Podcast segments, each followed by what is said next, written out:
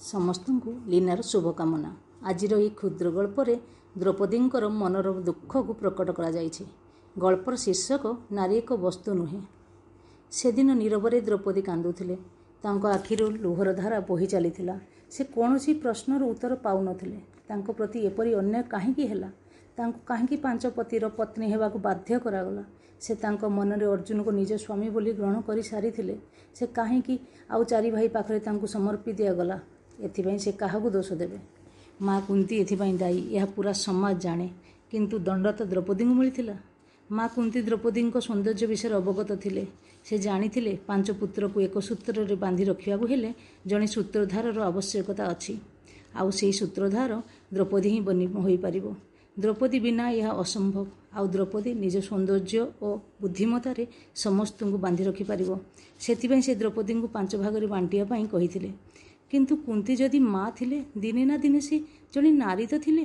ସେ ଥରଟିଏ ଭାବିଥାନ୍ତେ ନାରୀର ମନର ଭାବନାକୁ। ଦ୍ରୌପଦୀ ଭାବିଥିଲେ ସତରେ କ'ଣ ମାଆମାନେ ଏତେ ନିର୍ଦ୍ଦୟ ହୋଇପାରନ୍ତି? ସେ ନିଜ ପୁତ୍ରଙ୍କୁ ଛାଡ଼ି ସେ ଆଉ କାହାରି କଥା ଭାବିପାରନ୍ତି ନାହିଁ।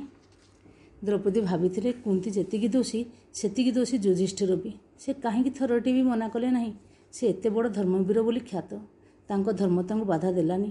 ସେ ଥରେ ବି ଭାବିଲେନି ଏଇଟା ତ ଗୋଟିଏ ନାରୀ ପ୍ରତି ବଳାତ୍କାର ହେବ। ଥରଟିଏ ତ ଦ୍ରୌପଦୀର ମନ କଥା ବୁଝିବାକୁ ଚେଷ୍ଟା କରିଥାନ୍ତେ। ଥରଟିଏ କହିଥାନ୍ତେ ମୋତେ ଦ୍ରୌପଦୀର ଭାଗ ଦରକାର ନାହିଁ।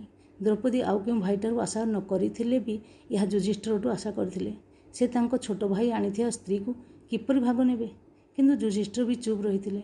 କାହିଁକି ସେ ଥରେ ସମାଜ ଦୁନିଆ କଥା ଭାବି ନ ଥିଲେ? ଯୁଧିଷ୍ଠିର ନ କଲେ ବି ଅର୍ଜୁନ ତ ଥରେ ବିରୋଧ କରିପାରିଥାନ୍ତେ। ସେ ଯେତିକି ଅର୍ଜୁନଙ୍କୁ ଚାହୁଁଥିଲେ ଅର୍ଜୁନ ବି ତ ସେତିକି ଚାହୁଁଥିଲେ। ଅର୍ଜୁନ ତ ଦ୍ରୌପଦୀଙ୍କୁ ପ୍ରଥମ ଦେଖାରେ ନିଜର ପତ୍ନୀ ଭାବେ ଗ୍ରହଣ କରିଥିଲେ। ତେବେ ସେ କାହିଁକି ବୁଝିପାରିଲେନି ନିଜ ସ୍ତ୍ରୀର ବେଦନାକୁ? ନିଜ ସ୍ତ୍ରୀକୁ ଭାଇମାନଙ୍କ ପାଖରେ ସମର୍ପି ଦେବା କ'ଣ ଠିକ୍ ଥିଲା? ଥରଟିଏ ଦ୍ରୌପଦୀଙ୍କ ମୁହଁକୁ ଚାହିଁ କହିଥାନ୍ତେ ନା ଦ୍ରୌପଦୀ ଖାଲି ମୋର ସେ କେବେ ଭାଗ ହୋଇ ନ ପାରେ। ଦ୍ରୌପଦୀଙ୍କର ମନ ମାନୁ ନ ଥିଲା। ସେ ନିଜ ସଖା କୃଷ୍ଣଙ୍କୁ ବି ସମାନ ଦୋଷୀ କରିଥିଲେ। କୃଷ୍ଣ ତ ତାଙ୍କର ଖାଲି ସଖା ନ ଥିଲେ ତାଙ୍କର ଜୀବନ ଥିଲେ। ସେ ତାଙ୍କର ଅଭିନ୍ନ ଅଙ୍ଗ ଥିଲେ। ତାଙ୍କ ସଖା ତ ସମସ୍ତଙ୍କ ମନ କଥା ବୁଝିପାରନ୍ତି। କିନ୍ତୁ ଆଜି କାହିଁକି ତାଙ୍କ ପ୍ରତି ଅନ୍ୟାୟ ହେବାକୁ ଦେଲେ? କାହିଁକି ଦ୍ରୌପଦୀଙ୍କୁ ବାଣ୍ଟି ଦିଆଗଲା? ତା'ର ଅନ୍ତର ଆତ୍ମାକୁ ଖିନଭିନ କରିଦିଆଗଲା। ଥରଟିଏ ବି ଆସି କହିଥାନ୍ତେ ଏହା ଭୁଲ ବୋଲି। ସେ କାହିଁକି ନୀରବଦ୍ରଷ୍ଟା ହୋଇ ରହିଲେ?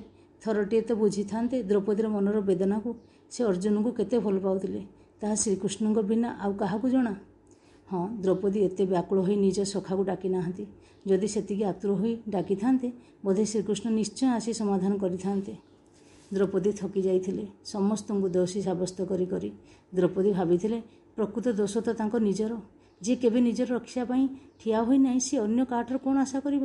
ସେ ଯଦି ଚାହିଁଥାନ୍ତେ ସବୁକିଛି ହୋଇପାରିଥାନ୍ତା। ସେ ପୂରା ଜୀବନ ଏଇ ଶଯ୍ୟାରୁ ସେଇ ଶଯ୍ୟା ହୋଇ ନ ଥାନ୍ତେ। ଯୁଗେ ଯୁଗେ ଏତେ ଅପମାନିତ ହୋଇ ନ ଥାନ୍ତେ। ଦ୍ରୌପଦୀ ତାଙ୍କ ଲୁହ ପୋଛିଥିଲେ। ଆଜିଠାରୁ ସେ ପ୍ରତ୍ୟେକ ନାରୀକୁ ଏହି ଶିକ୍ଷା ଦେବା ପାଇଁ ଚାହୁଁଥିଲେ ଯେ କାହାଠାରୁ ଆଶା କରିବା ଅପେକ୍ଷା ନିଜ ଆଶା ନିଜେ ପୂରଣ କରିବା ଉଚିତ। ନିଜର ସୁରକ୍ଷା ନିଜ ହାତରେ। କେହି ତୁମର ଭବିଷ୍ୟତ ଲେଖିବା ପୂର୍ବରୁ ନିଜେ ଲେଖିବା ଉଚିତ। ଜୟ ଜଗନ୍ନାଥ।